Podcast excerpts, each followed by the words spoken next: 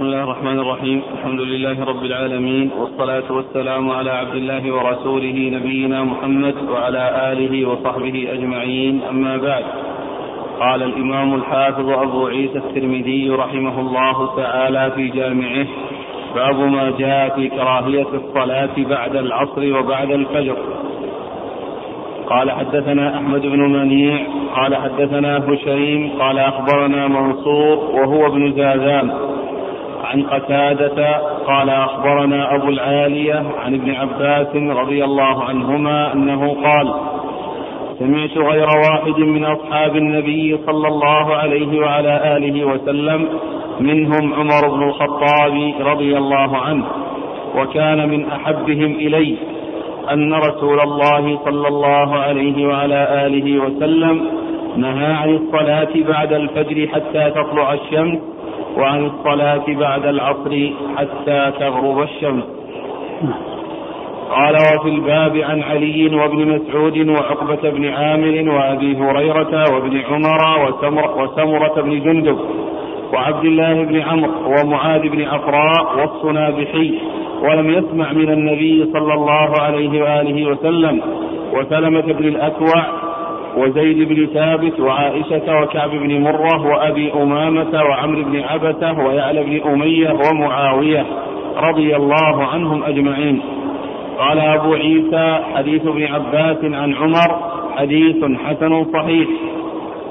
وهو قول أكثر الفقهاء من أصحاب النبي صلى الله عليه وعلى آله وسلم ومن بعدهم أنهم كرهوا الصلاة بعد صلاة الصبح حتى تطلع الشمس وبعد صلاة العصر حتى تغرب الشمس وأما الصلوات الفوائت فلا بأس أن تقضى بعد العصر وبعد الصبح.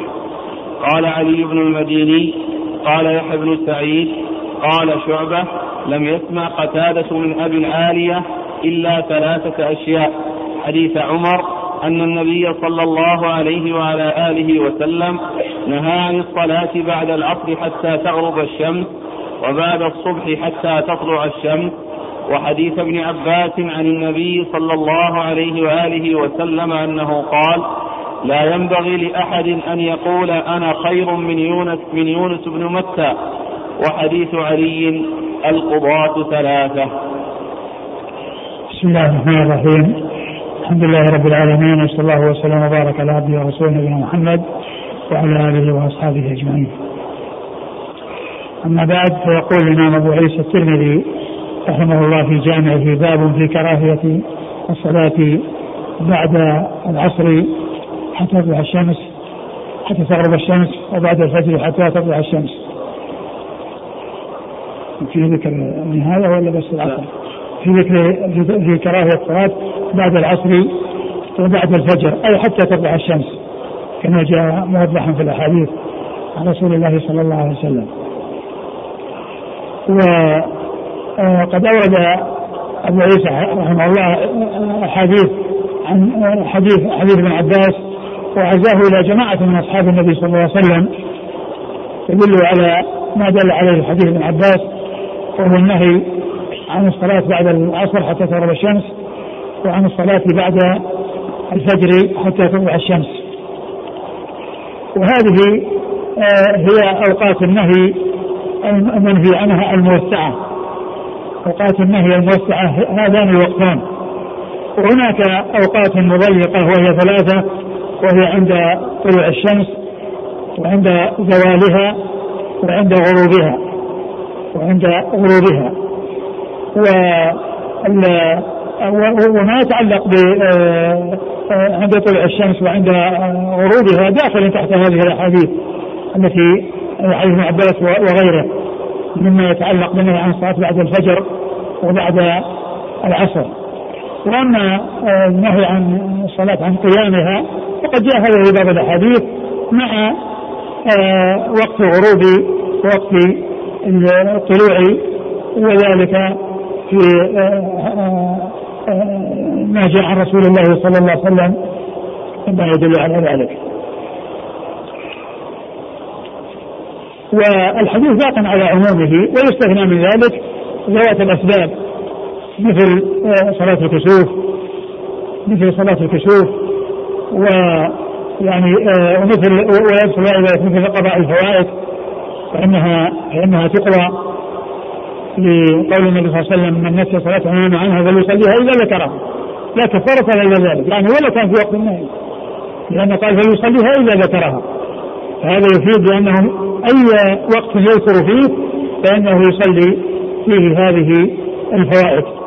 وقد مر بنا الخلاف في قضائها عند طلوع الشمس وعند غروبها وأن القول الذي تدل عليه الأدلة أنها تقضى حتى عند طلوع الشمس وعند غروبها كما جاء في الدرس الماضي عن بعض الصحابة وعن بعض أهل العلم أن أنها آه، آه، تقرأ وتؤدى الفرائض في ذلك الوقت.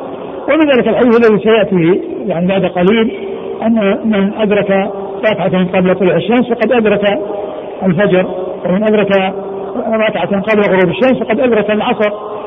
ومعلوم أنه بذلك يكون يصلي في وقت الغروب. إذا أدرك ركعة قبل الغروب فإنه يصلي الركعة الثانية بعد الغروب وفي حال الغروب. وكذلك عند طلوع الشمس إذا أدرك ركعة من قبل الفجر فإنه يصلي. آه، آه، الباقي آه، عند عند الطلوع أو بعد وبعد الطلوع. الحاصل أن أن أن الحديث هذا الحديث وغيره دلت على النهي وهو للتحريم. وهذا هو الأصل في ذلك. و والكراهية التي ذكرها الترمذي هي على طريقة المتقدمين أنها بمعنى التحريم. الكراهة بمعنى التحريم.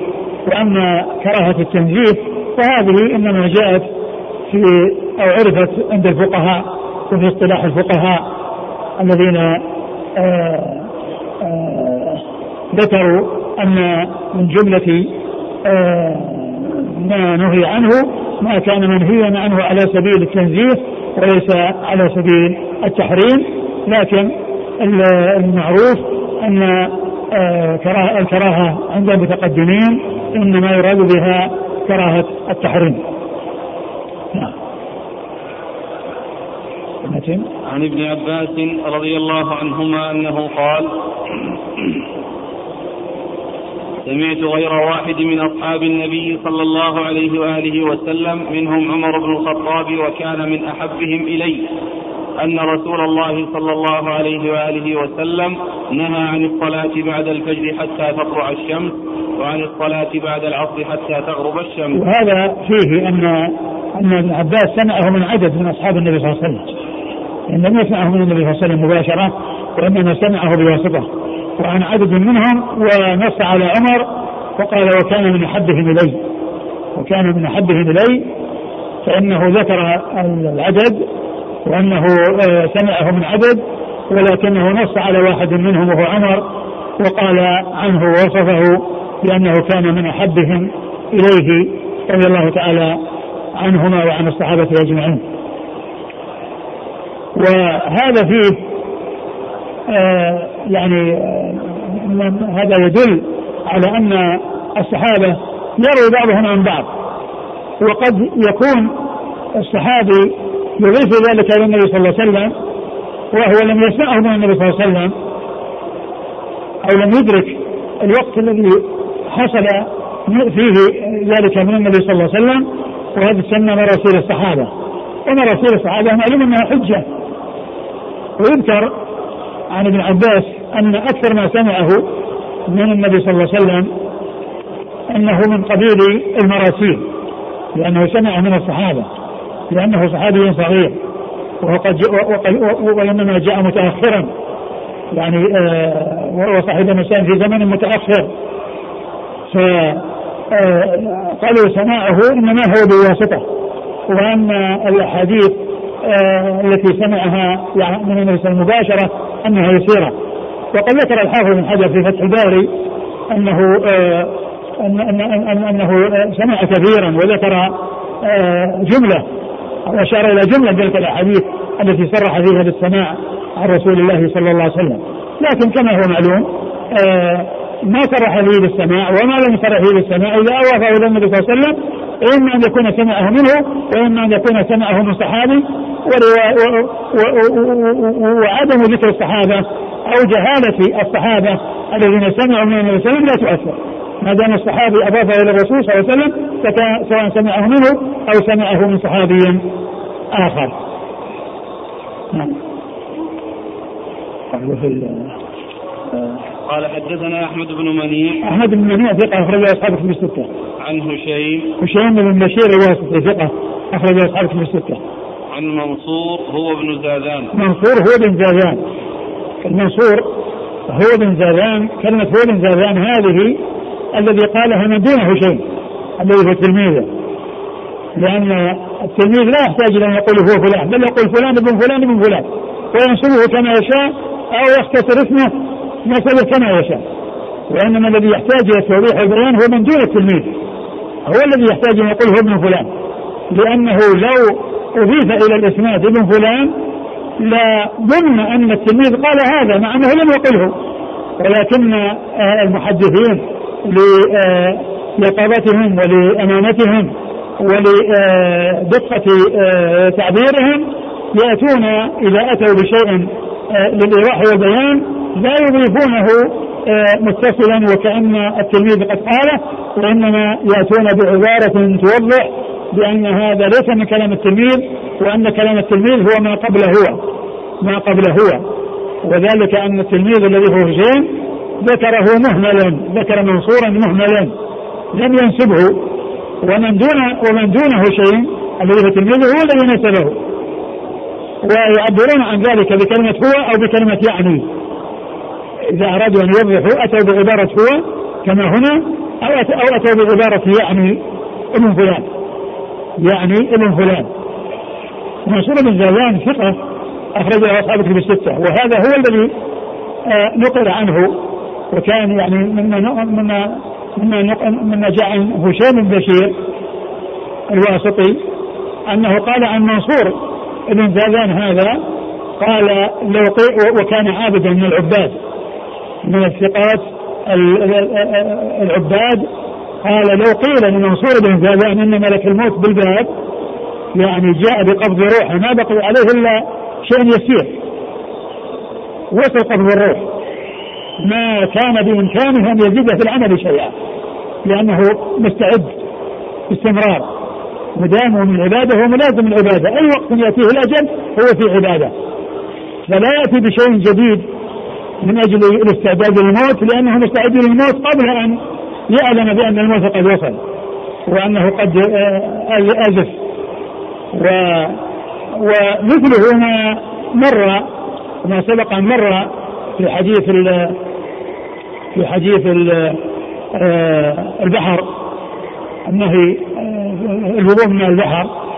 فإن في في إسناده صفوان بن سليم. صفوان بن سليم. وقالوا في ترجمته لو قيل لصفوان بن سليم أن الساعة تقوم غدا أن الساعة تقوم غدا لم يكن بإمكانه أن يأتي بشيء أو أن يعمل شيئا لأنه دائما على استعداد للعمل لأنه دائما على استعداد بالعمل الصالح للدار الآخرة فلا يحصل منه الإتيان بشيء جديد من أجل أن يتدارك لأنه مستمر على العبادة ومداوم على ذلك. ومعلوم أن المداومة على العبادة ولو كانت قليلة فإن هذا من من مما هو من أحب الأشياء إلى الله. لأن النبي صلى الله عليه وسلم قال أحب العمل إلى الله ما داوم عليه صاحبه وإن قل.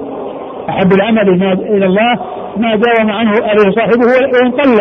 لأن المداومة على الشيء يكون الإنسان على صلة بالله عز وجل وعلى صلة بالعبادة وعلى اتصال بالعبادة ولو كان ذلك قليلا.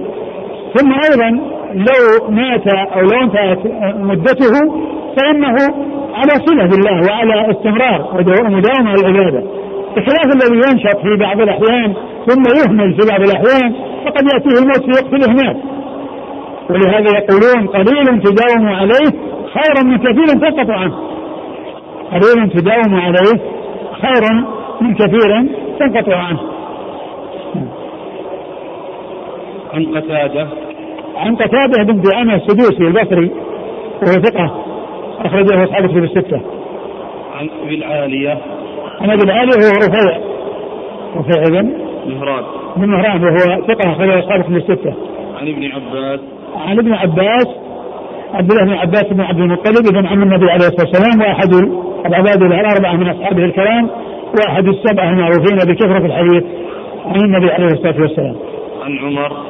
عن عمر بن الخطاب رضي الله عنه أمير المؤمنين وثاني الخلفاء الراشدين صاحب المناقب الجنة والفضائل الكثيرة وحديثه عند أصحاب الكتب الستة.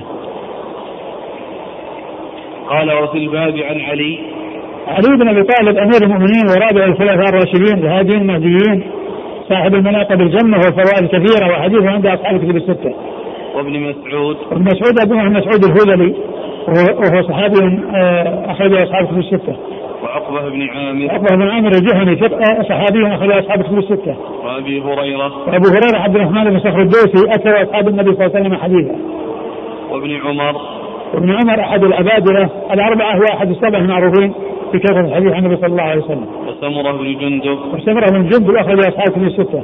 وعبد الله بن عمرو عبد الله بن عمرو العاص أحد العبادله الأربعة وحديث اخرجه أصحاب الكتب الستة. ومعاذ بن عفراء ومعاذ بن عفراء آه، أخرج له النسائي اخرجه النسائي. والصنابحي والسنابحي عبد الرحمن بن عسيلة وهو مخضرم وأخرج حديث أصحاب الكتب الستة.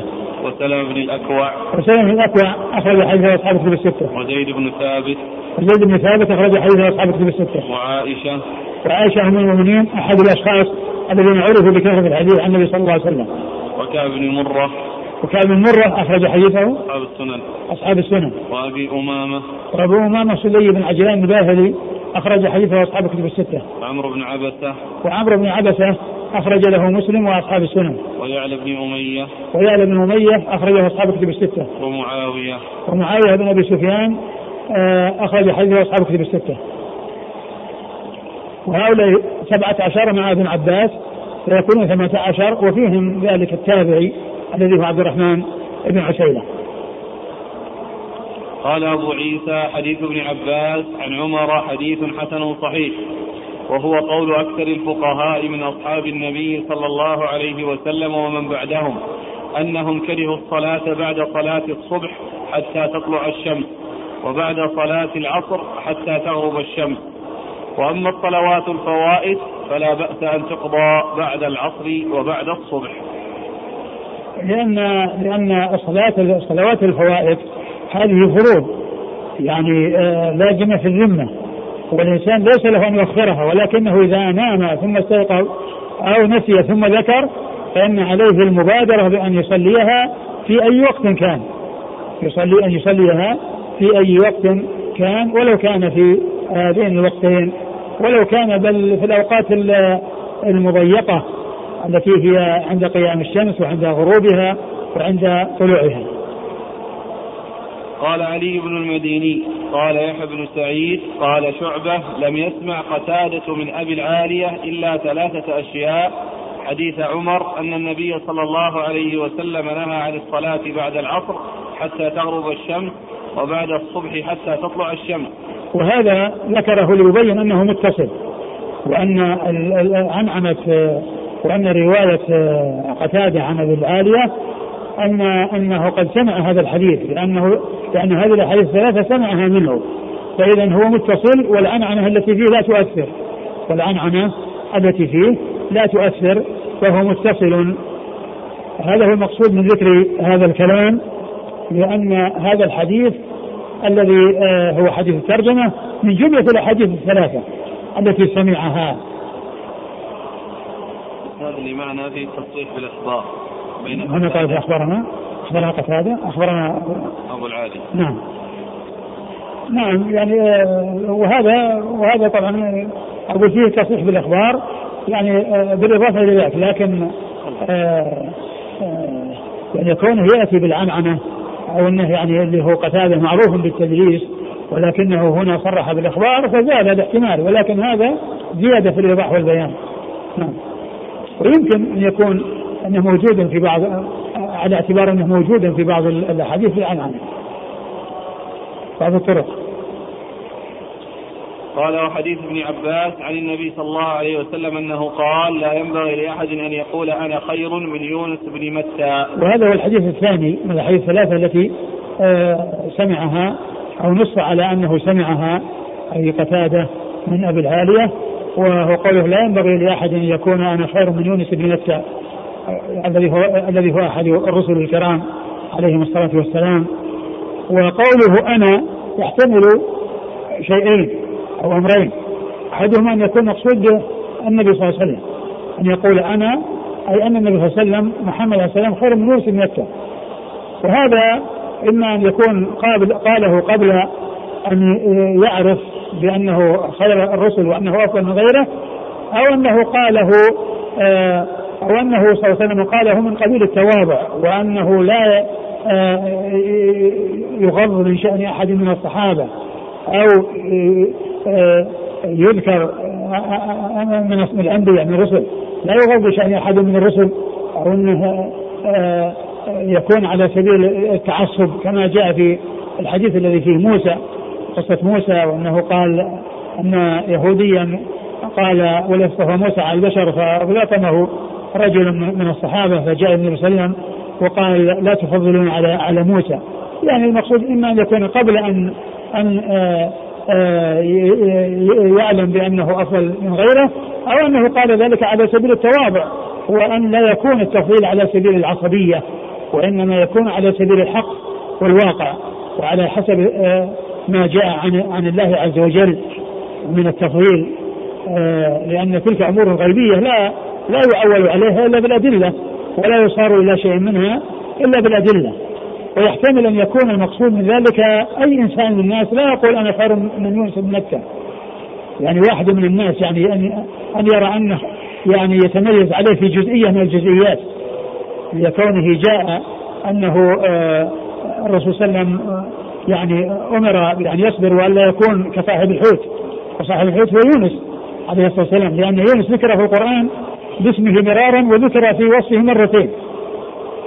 جاء ولكن كصاحب الحوت وجاء وذنون ذهب إليه مغاضبا ذنون يعني بوصفه. وذكر باسمه في مواضع عديدة في القرآن ولكنه جاء في موضعين بوصفه ذنون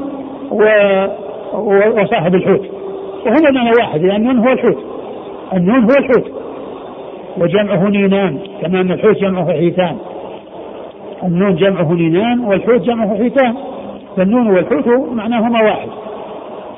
فقد يخيل لأحد أو يقول أن أنه يمكن أن يحصل له أو يحصل منه الصبر يعني ما لم يحصل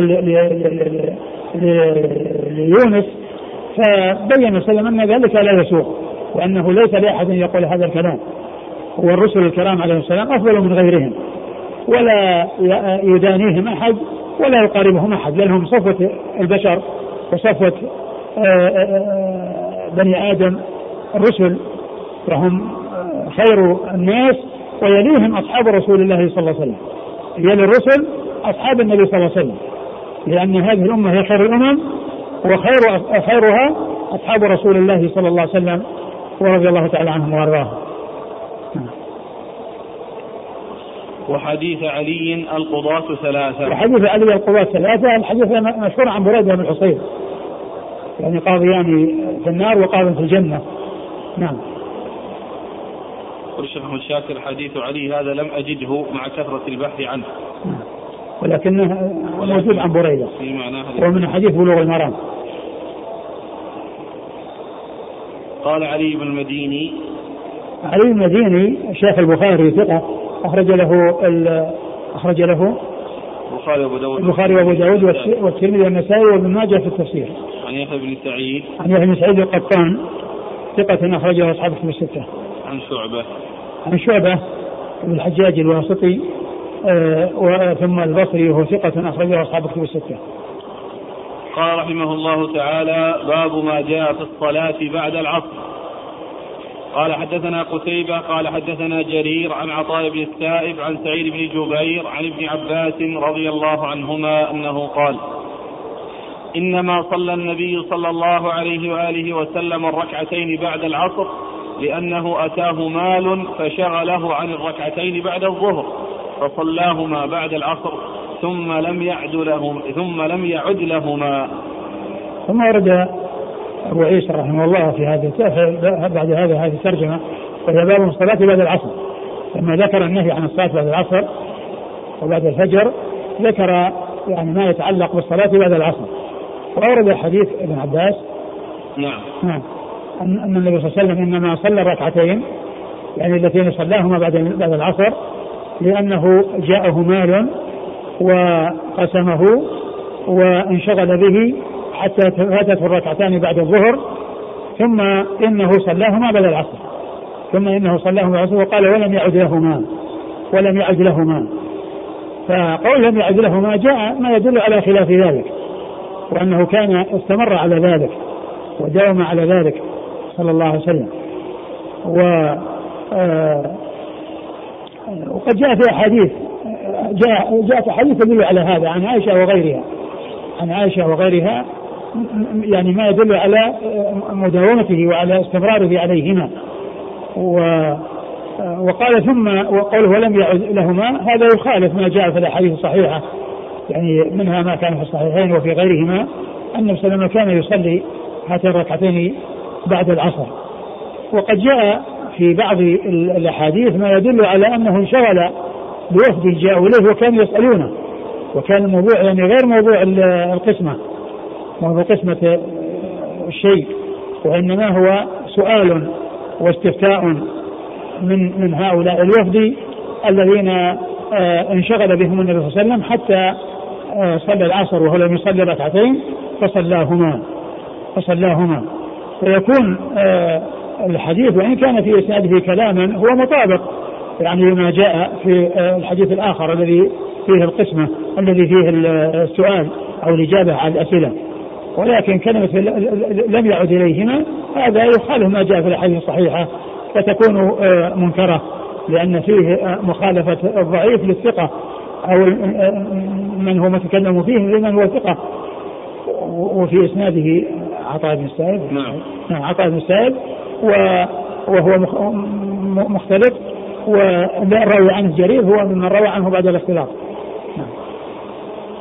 قال حدثنا قتيبة قتيبة بن سعيد بن جميل بن طريف البغلاني ثقة أخرج له أصحاب الكتب الستة. عن جرير جرير بن عبد الحميد الربي الكوفي ثقة أخرجه أصحاب الكتب الستة. عن عطاء بن السائب. عطاء بن السائب صدوق اختلط وحديثه أخرجه البخاري وأصحاب السنن. البخاري وأصحاب السنن.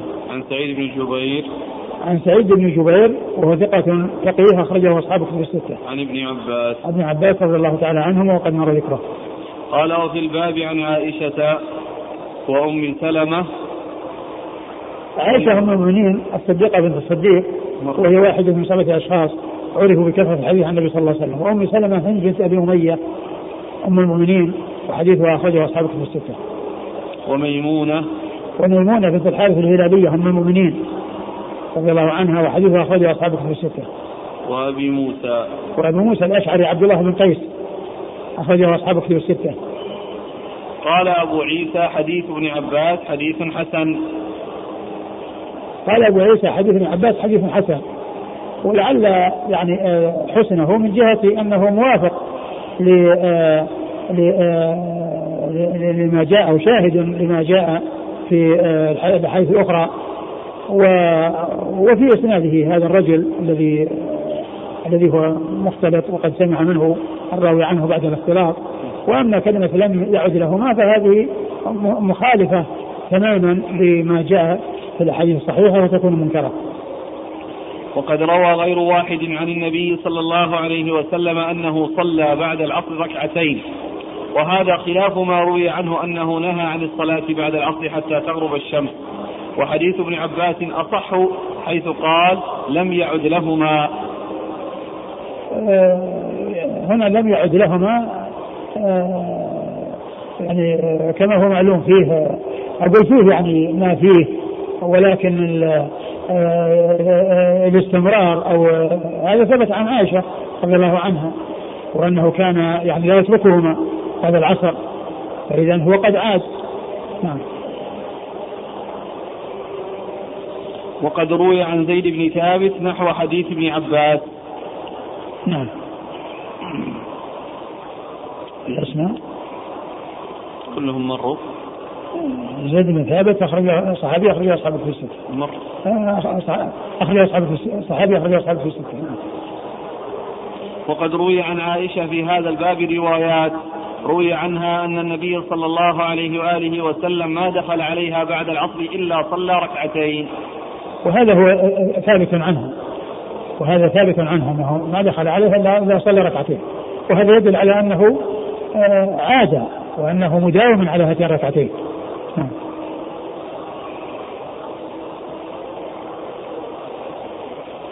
وروي عنها عن أم سلمة عن النبي صلى الله عليه وآله وسلم أنه نهى عن الصلاة بعد العصر حتى تغرب الشمس وبعد الصبح حتى تطلع الشمس.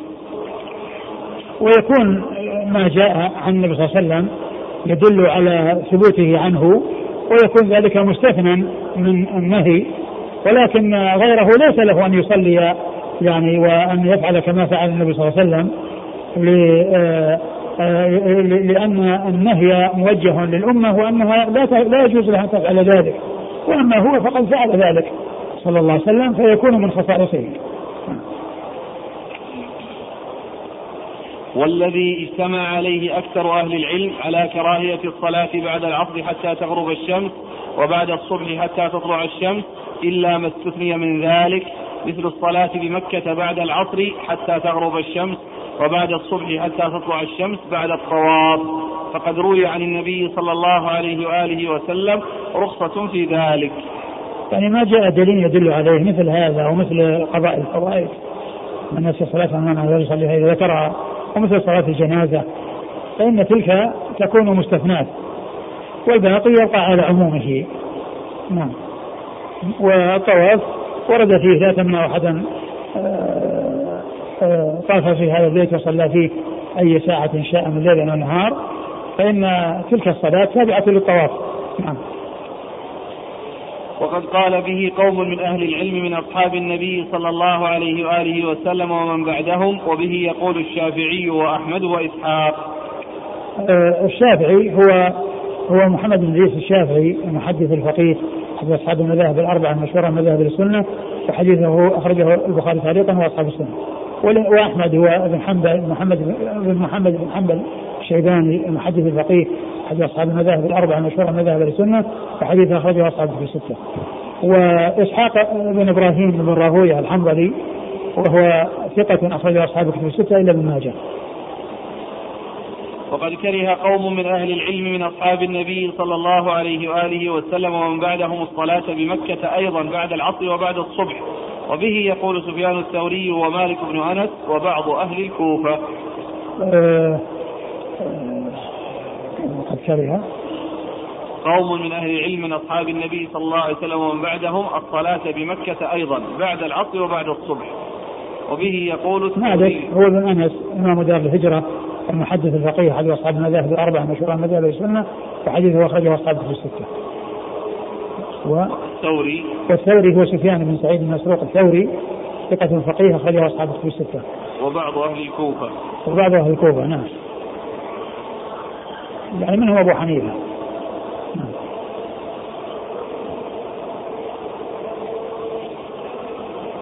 قال رحمه الله تعالى باب ما جاء في الصلاة قبل المغرب. قال حدثنا هناد قال حدثنا وكيع عن شهمة بن الحسن عن عبد الله بن بريدة عن عبد الله بن المغفل رضي الله عنه.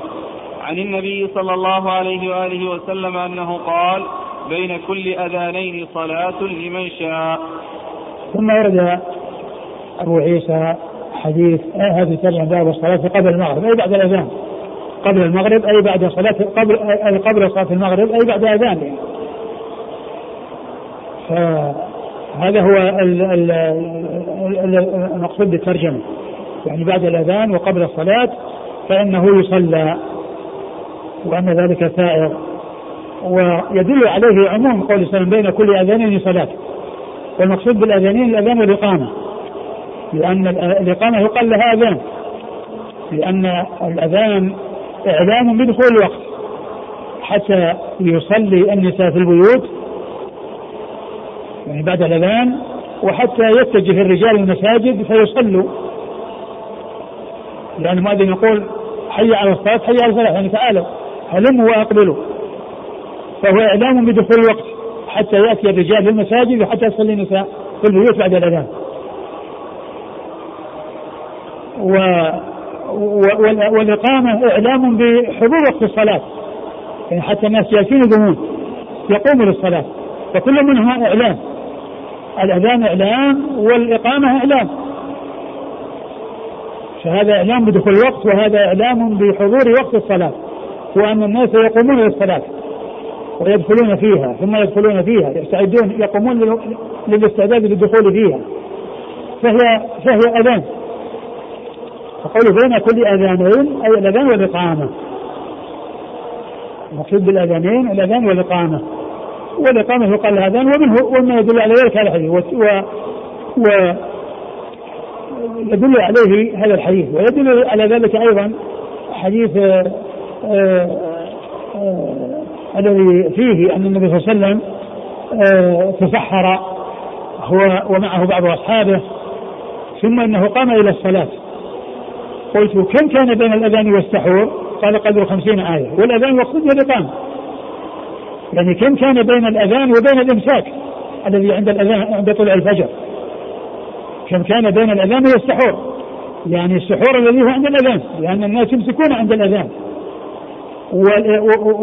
والمسافة التي بين الإمساك الذي هو عند الأذان اللي هو الأذان لدخول الوقت وبين الأذان الذي اللي هو إقامة الصلاة مقدار خمسين آية. يعني بين الأذان والإقامة مقدار خمسين آية قراءة خمسين آية. هذا اللي يكون مقدار المدة التي تكون بين الأذان والإقامة. فكلمة الأذان في الحديث مقصود بها الإقامة. وكذلك الحديث الذي فيه أو الذي فيه أو الأثر الذي فيه أن عثمان زاد الأذان الثالث. الأذان الثالث. يعني يوم الجمعة لأنه ثالث بالنسبة للإقامة. يعني فيه الإقامة والأذان الذي الخطيب على المنبر والأذان الأول هذا الذي اللي هو الثالث. فهو ثالث بالنسبة لاثنين آه، آه، هما الأذان على المنبر والأذان الذي هو الإقامة. فقال الأذان الثالث. يعني معناه أن الأذان ثلاث مرات. الأذان الأول الذي هو زاده عثمان والأذان الثاني الذي بعده وهو الذي على المنبر ثم الذي يليه وهو إقامة الصلاة. عند إقامة الصلاة ستكون آه ثلاثة وواحد منها إقامة. وواحد منها إقامة. الحاصل أن أن الإقامة قال له أذان وقول صلى بين كل أذان صلاة لمن شاء يعني يدل على أنها من السنن لكنها ليست من الرواتب المؤكدة. يعني مثل الصلاة قبل الظهر وبعد الظهر بعد المغرب وبعد العشاء وقبل الفجر هذه سنن مؤكدة وراتبة. وأما تلك فإنها مستحبة فإنها مستحبة ولكنها ليست من الأشياء الراتبة ولهذا قال لمن شاء. وقد جاء في الحديث صلوا قبل المغرب ثم قال في الثالثة لمن شاء. فيعني هذا الحديث بعمومه الذي بين كل هذه الصلاة يدخل فيه المغرب وغير المغرب بل كل الصلوات تكون كذلك. يعني بين الأذان والإقامة يصلي الإنسان. يصلي الإنسان قبل بين الأذان وإقامة الفجر يصلي ركعتين وقبل الظهر يصلي أربع وقبل العصر أيضا يصلي أربع كما جاء في بعض الأحاديث لكنها ليست من الرواتب. وقبل المغرب هذا الذي جاء في الحديث وقبل العشاء أيضا يصلي يصلي ركعتين أو أكثر. لأن كل ذلك داخل تحت كل بين بين كل أذان صلاة لكن قول صلوا قبل المغرب لمن شاء هذا صريح في المقصود وفي المطلوب وأنه أنه يصلى قبل المغرب فالذي ذكره المصنف يعني تدخل فيه المغرب كما يدخل غيرها. والحديث الذي في الصحيح آه، في صحيح البخاري فيه صلوا قبل المغرب ثم قال آه، في الثالثة لمن شاء. نعم.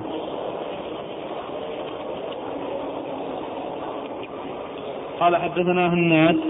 هناد ابن السري أبو السري ثقة. أخرجه البخاري أخرجه البخاري في في خلق الغالبات ومسلم وأصحاب السنة. وعن وكيع عن كهمة بن الحسن. عن وكيع بن الجراح الرؤاسي الكوفي ثقة أخرجه أصحاب في الستة وكهمة بن الحسن أصحاب الكتب. أخرجه أصحاب في الستة. عن عبد الله بن بريدة. عن عبد الله بن بريدة بن حصين وهو ثقة أخرجه أصحاب في الستة.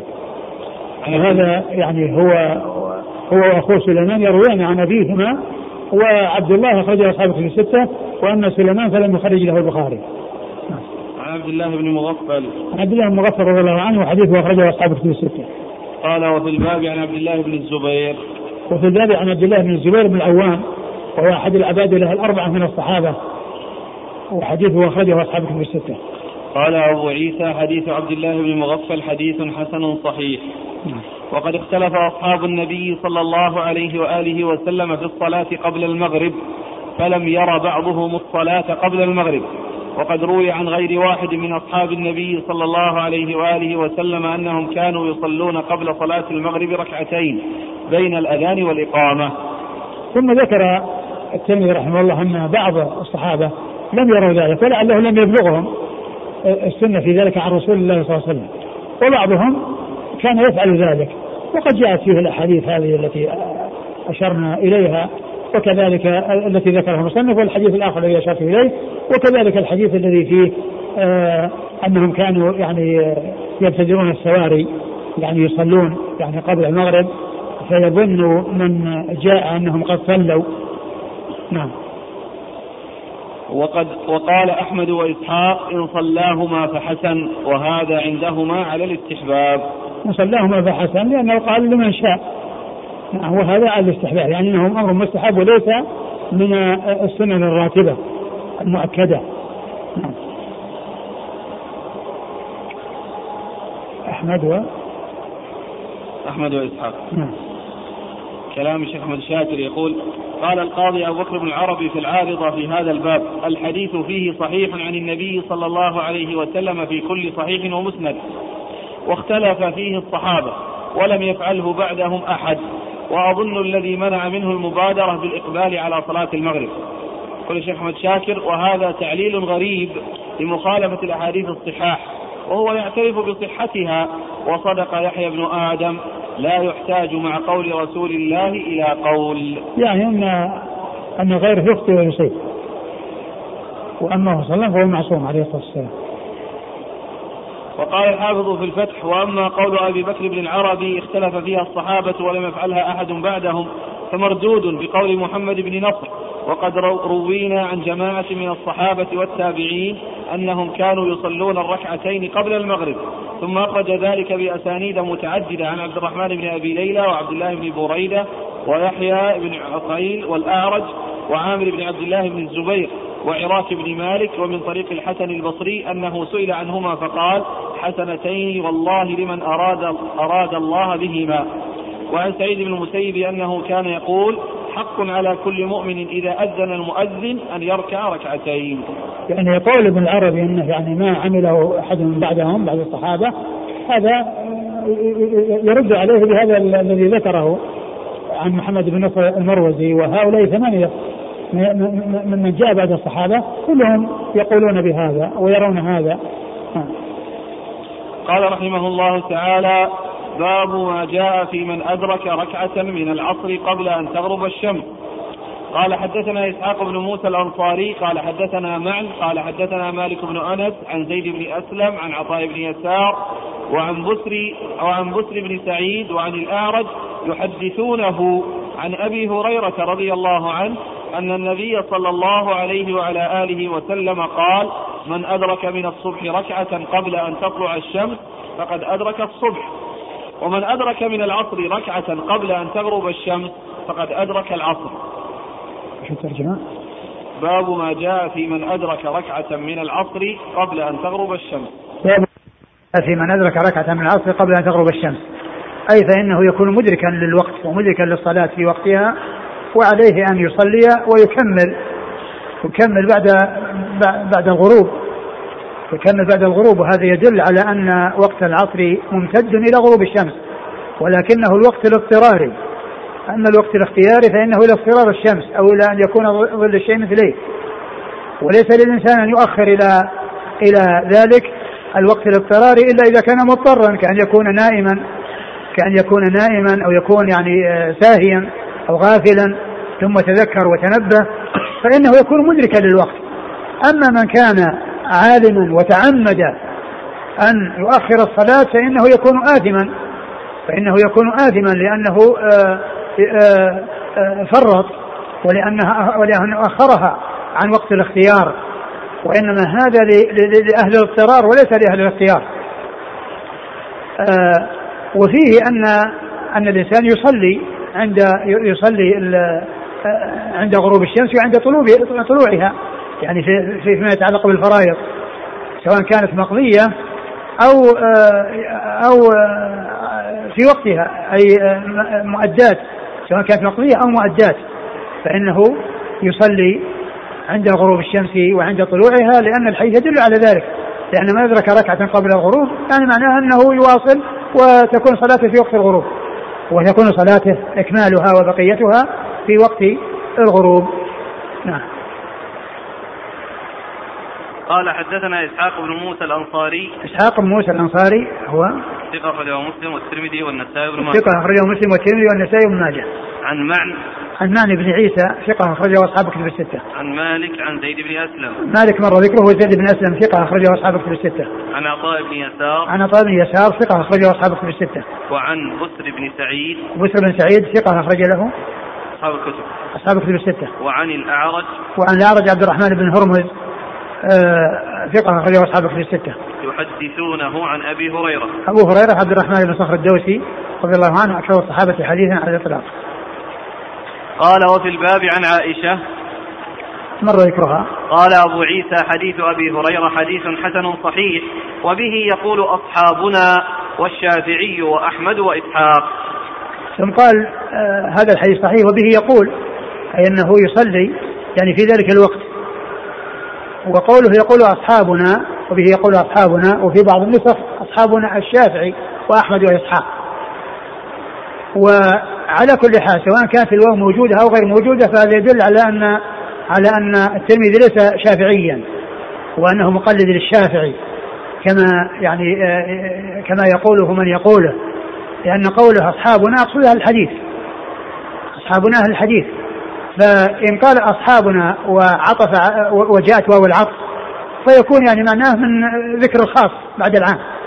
وإن لم تكن واو موجودة يعني أصحابنا أهل الحديث الذين منهم الشافعي و و أحمد وأحمد وإسحاق. لأنهم كلهم من أهل الحديث كلها من أهل الحديث وهم من أهل الفقه. لكن واضح أنه ليس مقلدا للشافعي. كما يقوله من يقول إنه من شافعي المذهب وأنه مقلد وقد مر بنا قريبا ذاك الذي فيه آه، الاعتراض على كلام قاله الشافعي على كلام قاله الشافعي وقال أن أنه يعني يرد يعني ذلك ما جاء في آه، حديث أبي ذر وقد ساقه آه، المصنف ليبين أن ما قاله الشافعي أنه غير صحيح.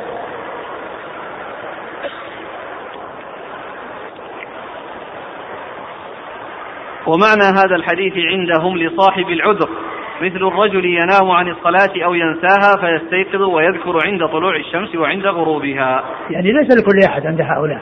هؤلاء الذين يعني يرون ذلك إنما هو العذر. أما في الاختيار ليس الإنسان يوصل إلى ذلك الوقت. وقد مر بنا أن الرسول صلى الله عليه وسلم ما صلى صلاة لآخر وقتها إلا مرتين أو ما صلى مرتين يعني صلى مرة واحدة إما مرة وإما مرتين. إما مرة يعني أو مرتين سبق كما سبق مرة إذا جاءت إلا معناه أنه صلى مرتين وبدون إلا معناه أنه مرة واحدة.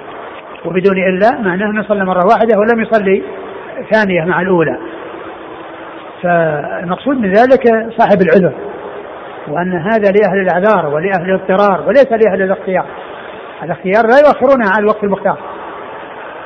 وأما أهل الأعذار فهم معذورون. من استيقظ أو تذكر وكان ناسيا فإنه يصليها إذا أدرك ركعة قبل المغرب فإنه يصليها ويكمل الباقي في وقت الغروب. قال رحمه الله تعالى باب ما جاء في الجمع بين الصلاتين في الحضر. قال حدثنا هناد قال حدثنا أبو معاوية عن الأعمش عن حبيب بن أبي ثابت عن سعيد بن جبير عن ابن عباس رضي الله عنهما أنه قال جمع رسول الله صلى الله عليه وآله وسلم بين الظهر والعصر. وبين المغرب والعشاء بالمدينة من غير خوف ولا مطر. قال فقيل لابن عباس ما أراد بذلك؟ قال أراد ألا يحرج أمته. ثم ورد أبو عيسى رحمه الله يترجم باب الجمع بين الصلاتين في الحضر. الجمع بين الصلاتين في الحضر. وأورد في حديث ابن عباس أن النبي صلى الله عليه وسلم جمع في المدينة بين الظهر والعصر والمغرب والعشاء من غير خوف ولا مطر. والحضر معلوم من كلمة في المدينة لأنه في المدينة حاضر ليس بمسافر. وأما قضية المطر وال وال المطر والخوف فقد نص عليهما في الحديث. فإذا يعني الأمور الثلاثة هذه منتفية. ليس في خوف وليس في مطر وليس في سفر. لأن السفر معلوم من كلمة في المدينة. من كلمة المدينة يعني معناه أنه في حضر وليس في سفر وهذا هو المطابق للترجمة. من قوله باب آه، الجمع الصلاتين في الحضر. لأنه قال بالمدينة. وحديث ابن عباس يقول من خير من غير خوف ولا مطر. وقوله في المدينة يدل على أنه في في حضر وليس في سفر. وهذا آه، قال يعني آه، تكلم فيه بعض أهل العلم. يعني في معناه وفيما يراد به. فمنهم فالترمذي رحمه الله قال في العلل في آخر الكتاب كل ما في كتابي فقد عمل به بعض أهل العلم إلا حديثين وذكر منهما هذا الحديث. والحديث الثاني حديث قتل آه، شارب الخمر في المرة الرابعة. قتل شرب شارب الخمر في المرة الرابعة. و و العلماء ذكروا ان ان أن من أهل العلم من عمل به. وقد جاء عن ابن سيرين وعن غيره يعني ما يدل على ذلك إذا كان هناك لحاجة ولم يكن معتادا. ومنهم من قال إنه كان بسبب آه، مرض ومنهم من قال غير ذلك. ولكن قول ابن عباس رضي الله عنه أن لا يحرج أمته يعني معناه إذا حصل أمر يعني نادر ويعني آه، فعل ذلك ولم يكن معتادا فإنه يكون سائغا. أما أن يتعمد الإنسان أنه آه، آه، يبني على هذا الحديث ويروح يجمع بين الصلاتين في الحضر فإن ذلك لا يسوغ ولا يجوز. ولكنه بقول قوله اراد ان لا يحرج أمته يدل على أن ذلك إذا حصل نادرا وحصل قليلا لأمر اقتضى ذلك فإن ذلك سائغ فإن ذلك سائغ وجائز. وهذا هو الذي قاله جماعة من أهل العلم. وكلام الترمذي رحمه الله بأنه ما عمل به أحد آه، آه، قد جاء عن بعض العلم ذكر جماعة عملوا به وأخذوا بما دل عليه. وأما حديث قتل شارب الخمر فقد ألف فيه أحمد شاكر رحمه الله رسالة سماها قول الفصل في قتل مدمن الخمر. في قتل مدمن, مدمن الخمر. ولأهل العلم في ذلك كلام ومنهم من قال إن أنه يقتل ولكن على سبيل التعزير. يقتل ويكون ذلك من قبيل التعزير نعم. فقيل لابن عباس ما أراد بذلك؟ قال أراد ألا يخرج أمته. نعم. يعني ليس له حرج ومشقة عندما يحصل آه، أمر اقتضى ذلك أو ضرورة يعني دفعت إلى ذلك بالحضر الله عنك ممكن تضرب لنا مثال؟ والله يمكن أن يقال آه مثل ما هو موجود في هذا الزمان إذا كان مثلا عملية جراحية والطبيب يعني لو راح يصلي يعني يترتب على ذلك يعني مضرة يعني في المريض ولم يكن هناك طبيب آخر يناوبه أو يعني يتعاقب معه على ذلك فإن مثل هذا مما يدخل تحت هذا الحديث. مما يدخل تحت هذا الحديث. قال حدثنا هناد عن أبي معاوية. هناد مر ذكره وابو معاوية محمد بن خازم الضرير الكوفي وهو ثقة أخرجه أصحاب كتب الستة. عن الأعمش الأعمش سليمان بن مهران الكاهلي الكوفي ثقة أخرجه أصحاب كتب الستة. عن حبيب بن أبي ثابت. عن حبيب بن أبي ثابت هو ثقة أخرجه أصحاب كتب الستة. عن سعيد بن جبير. عن سعيد بن جبير مر ذكره. عن ابن عباس. عن ابن عباس مر ذكره. وفي الباب عن أبي هريرة أبو هريرة مر ذكره قال أبو عيسى حديث ابن عباس قد روي عنه من غير وجه رواه جابر بن زيد وسعيد بن جبير وعبد الله بن شقيق العقيلي يعني أنه رواه عن ابن عباس يعني جماعة من الصحابة من التابعين منهم جابر بن زيد وهو الشعثاء وهو ثقة أخرجه أصحابه في الستة. وسعيد بن جبير وعبد الله بن شقيق العقيلي. عبد الله بن شقيق العقيلي ثقة أخرج له أصحابه في الستة إلا البخاري في المفرد. أخرجه البخاري في المفرد ومسلم وأصحاب السنة. وقد روي عن ابن عباس عن النبي صلى الله عليه وسلم غير هذا. نعم. قال حدثنا أبو سلمة يحيى بن خلف البصري. قال حدثنا المعتبر بن سليمان عن أبيه عن حنش عن عكرمة عن ابن عباس رضي الله عنهما عن النبي صلى الله عليه وآله وسلم أنه قال من جمع بين الصلاتين من غير عذر فقد أتى بابا من أبواب الكبائر. ثم أورد أبو عيسى قال أنه روي عن ابن عباس أو جاء عن ابن عباس ما يخالف هذا غير هذا يعني ما يخالفه لأن هذا فيه الجمع. وهنا فيه عدم الجمع وأنه قد أتى باب من أبواب الكبائر لكن ما جاء فيه من غير عذر يعني يدل على أنه لا يخالفه يدل على أنه لا يخالفه لأنه إذا كان هناك عذر يقتضيه أو هناك أمر اقتضاه وحاجة دعت إليه ولم يداوم على ذلك فإنه يمكن يدخل تحت العذر. وفي الحديث الأول منهم من قال إن المقصود بذلك أنه يراد به المرض ولكن يعني يدل على عدم صحة هذا القول. أن الرسول صلى الله عليه وسلم صلى بالناس ومعه أصحابه وليس فيهم من هو مريض. ولكن العذر الجمع بين الصلاتين المريض جاء في السنة ما يدل عليه وهو صلاة المستحاضة لأن الاستحاضة نوع مرض. الاستحاضة من أنواع المرض وقد أذن لها صلى الله عليه وسلم أن تجمع بين الصلاتين. فكذلك المريض إذا شق عليه أن يصلي كل صلاة في وقتها واحتاج إلى أن يجمع بين الصلاتين فله ذلك لكن ليس له أن يقصر. لكن ليس له أن يقصر. فالمريض يجمع ولا يقصر. نعم. من جمع بين الصلاتين من غير عذر فقد أتى بابا من أبواب الكبائر. يعني أنه آه، أمر كبير وأنه أمر خطير وذلك لأن الجمع فيه إخراج الصلاة عن وقتها. ومن العلماء من قال إنه جمع صوري يعني حديث ابن عباس جمع صوري لأنه أخر الظهر حتى يعني صار في آخر وقتها فصلاها ثم صلى العصر بعدها مباشرة بعد ما دخل وقتها فيكون الجمع يعني صوري. وكذلك بالنسبة للمغرب والعشاء ومعلوم أن المغرب والعشاء والعصر والظهر ليس بينهما فاصل يعني يفصل بين الوقتين ومسافة لا من هذا ولا من هذا. بل إذا خرج وقت هذه دخل وقت هذه. قالوا فيكون جمعا صوريا فيكون جمعا صوريا وهذا هو الذي رجحه صاحب الشرح اللي هو المبارك فوري. ولكن القول يعني بذكر الجمع وأنه يعني الجمع يعني هذا يفيد بأن المقصود أنه الجمع المعروف. نعم. قال حدثنا أبو سلمة يحيى بن خلف البصري. أبو سلمة يحيى بن خلف البصري هو؟ صدوق خرجه مسلم وأبو داود والترمذي وابن ماجه. صدوق خرجه مسلم وأبو داود والترمذي وابن ماجه. عن المعتمر بن سليمان. المعتمر بن سليمان ثقة أخرجه أصحاب كتب الستة وأبوه سليمان بن طرحان التيمي ثقة أخرجه أصحاب كتب الستة. عن حنش. عن حنش وهو متروك أخرج حديثه. الترمذي بن ماجه. أخرج حديثه الترمذي بن ماجه. عن عكرمة. عن عكرمة هو ابن عباس وهو ثقة أخرجه أصحاب كتب الستة. عن ابن عباس. عن ابن عباس مر ذكره.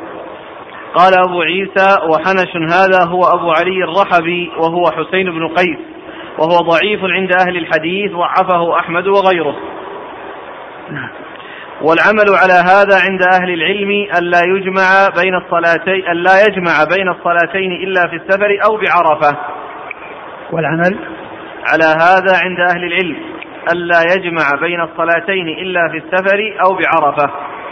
آه كما هو معلوم آه الجمع يكون بعرفة ومزدلفة يعني بالنسبة للحجاج ويكون أيضا يعني في السفر ويكون أيضا للمريض يعني كما جاء في في آه، آه، المستحاضة.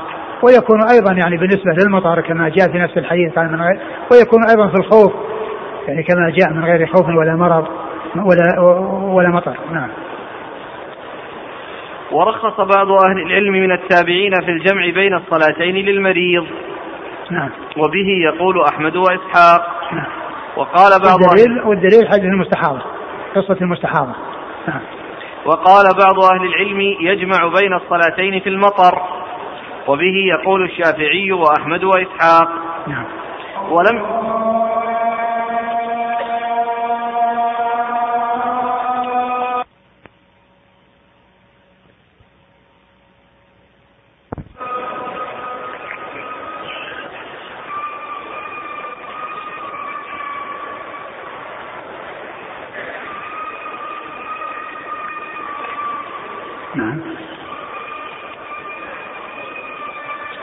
يقول الشافعي؟ وقال بعض أهل العلم يجمع بين الصلاتين في المطر وبه يقول الشافعي وأحمد وإسحاق. ولم يرى الشافعي للمريض أن يجمع بين الصلاتين. نعم. انتهى.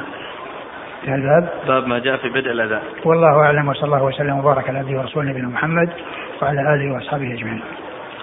جزاكم الله خيرا وبارك الله فيكم ونفعنا الله بما قلتم. هنا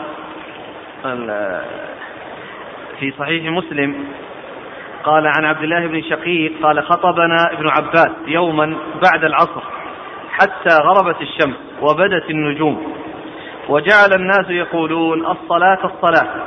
قال فجاءه رجل من بني تميم لا يفتر ولا ينثني. الصلاة الصلاة. فقال ابن عباس أتعلمني بالسنة؟ لا أم لك. ثم قال رأيت رسول الله صلى الله عليه وسلم جمع بين الظهر والعصر والمغرب والعشاء. قال عبد الله بن شقيق فحاك في صدري من ذلك شيء. فأتيت أبا هريرة فسألته فصدق مقالته. آه هذه القصة استدل بها بعض طلبة العلم على أنه إذا كان هناك درس أو محاضرة علمية فيجوز الجمع بين الصلاتين. لا لأن الحديث هذا ما في جمع. ما فيه ان ابن عباس جمع. وإنما أخبر بأن أنه يعني جاء عن ما يدل على الجواز الجمع في الحضر. والجمع ما ما ما ما, ما فينا جمع. ليس بالحديث أن ابن عباس جمع ولكنه حدث بالحديث عن النبي صلى الله عليه وسلم وقوله يعني اشتبكت النجوم يعني لا يعني ذلك أنه خرج وقت المغرب لأن النجوم تشتبك في وقت مبكر. النجوم تشتبك في وقت مبكر في وقت المغرب. وليس معنى ذلك أنه حتى دخل وقت العشاء. ففرق بين كونه يعني آه، أخر الصلاة عن أول وقتها لأنه مشغول بالكلام وبالحديث وبين كونه جمع لأن ما في شيء يفيد إنه جمع. وإنما أخبر بأن السلام حصل منه الجمع لكن ما دل على أنه جمع. هو فلا يقال إن إنها عندما يكون محاضرة الناس يأخرون الصلاة ويجمعون بين الصلاتين.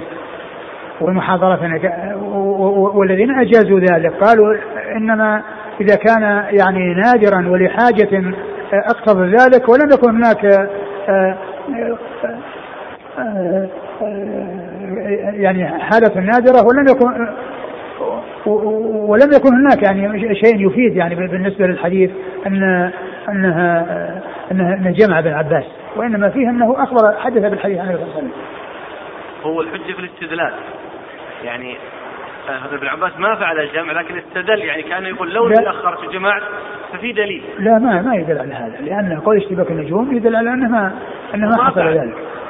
ولكن ما يدل لأن لأن كل صلاة يجب أداؤها في وقتها ولا يتشاغل بالفرائض بالنوافل عن الفرائض. والمحاضرات نوافل والفرائض فرائض. فلا يتشاغل بالفرض عن النفل.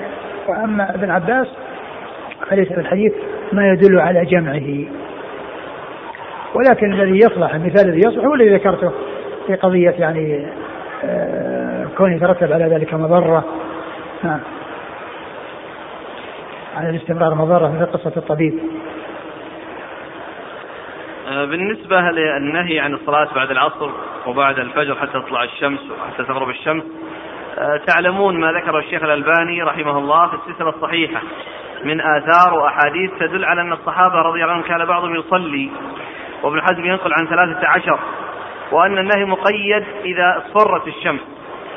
الأحاديث المطلقة التي وعليها أكثر الصحابة الأخذ بها أولى من الأخذ بالتنفل بعد العصر. ومعلوم أن الإنسان لو فعل يعني فعل أمرا سائغا ولو ترك يعني معنى ذلك أنه لم يتعرض للنهي أو الوقوع في أمر منهي عنه. ومعلوم ان ان كون الإنسان لا يتعرض للوقوع في نهي أولى من كونه يقدم على شيء يعني يحصل سنة أو يفعل فيه سنة. فيعني الترجيح آه، آه، الأخذ بما دلت عليه الأحاديث آه، من النهي المطلق إلا فيما استثني إلا فيما استثني من الأمور التي لا بد منها هذا هو هو الأولى. من أن الإنسان يعتبر وقت العصر وقت صلاة يقوم يتنفل بعد العصر حتى تغرب حتى تصفر الشمس. يصلي العصر يقوم يتنفل. الشيخ غفر الله له يرى في المجلد السابع أنها من الرواتب ويقول على الغيورين على السنة أن يحيوا هذه السنة التي ماتت. على كل هذا قوله رحمه الله. ولكن آه، كون الإنسان لا يتعرض لوقوع في معصية. خير له من أن يفعل أمرا لو تركه ما ترك إلا أمرا مستحبا. هذا من جنس قضية زيارة النساء بالقبور. أحاديث وردت في زيارة القبور للنساء وأحاديث وردت في عدم الزيارة. ومعلوم أن المرأة لو تركت الزيارة ما فاتها إلا أنها ما فعلت السنة والسنة لا, لا, لا يعاقب تاركها. لكن لو أنها صلت لو أنها زارت تتعرض للعنة. لعن الله زورات القبور. ومعلوم أن كونها تبتعد عن أمر يلحقها فيه لعنة أو يلحق فيها معصية الوقوع في معصية أسلم لها من أنها تفعل شيئا لو تركته ما تركت إلا سنة. ولم تترك أمرا واجبا.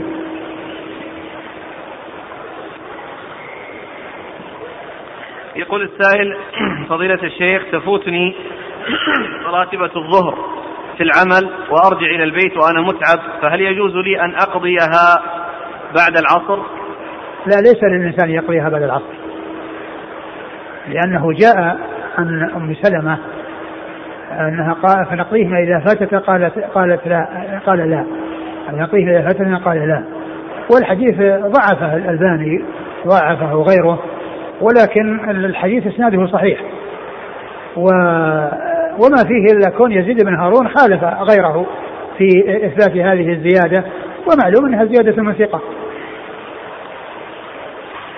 بالنسبة لأثر علي الذي ذكر الشيخ محمد شاكر أنه لم يقف عليه القضاة الثلاثه يفيد الأخ بأنه رواه البيهقي في الجزء العاشر من طريق شعبة عن قتادة عن أبي العالية عن علي موقوفا وقال العجلوني في كشف الخفا المجلد الثاني وحكمه الرفع وقد أفرد الحافظ ابن حجر رحمه الله طرقه في مصنف انظر نصب الراية للزيد المجلد الرابع وإرواء الغليل للشيخ الألباني رحمه الله الجميع. إرواء الغليل أي رقم؟ ما ذكر الرقم؟ المجلد الثامن 235 الثامن؟ نعم.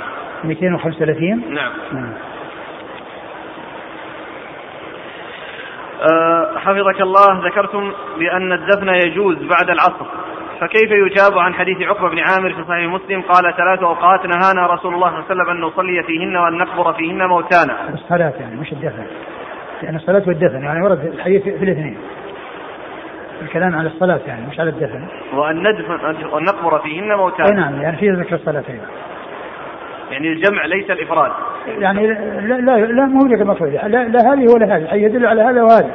لكن فيما يتعلق بالنسبة للصلاة يعني هذا الحديث يدل على أن الإنسان يعني يصلي وإنما المقصود أن الإنسان لا يصلي إذا كان يعني يتنفل أو وأما كونه يعني يستدرك يعني صلاة فائتة أو يأتي بصلاة حاضرة أدرك جزءا يسيرا من الوقت قبل غروب الشمس أو قبل طلوعها فإن هذا هو الذي ذكر فيه الخلاف وأنه وأنه الأولى يعني في أن الإنسان يصلي الفريضة الحاضرة أو الفائتة. فيكون النهي في كون الإنسان آه، ما يصلي صلاة نافلة يعني في ذلك الوقت. لا عفى الله عنك الحديث توجهونه صحيح مسلم ثلاث أوقات نهانا الرسول صلى الله عليه وسلم أن نصلي فيهن وأن نقبر فيهن موتانا. نعم. معناه معناه أن هذا الوقت لا يصلى فيه ولا يقبر فيه. ولكن جاء في الأحاديث ما يدل على أن الصلاة الفريضة يمكن أن تؤدى فيه. وهو حديث من أدرك ركعة قبل العصر قبل ان تغرب الشمس فقد أدرك العصر وفي بعض الروايات فليصلي إليها أخرى. فمعنى هذا يدل على أنه يصلي الفريضة. لا السائل يسأل عن الدفن بعد العصر. الدفن بعد العصر؟ اي العصر ما له دخل في الحديث. الحديث لأن الحديث هذا حديث عند غروب الشمس وعند طلوعها قال بعد العصر؟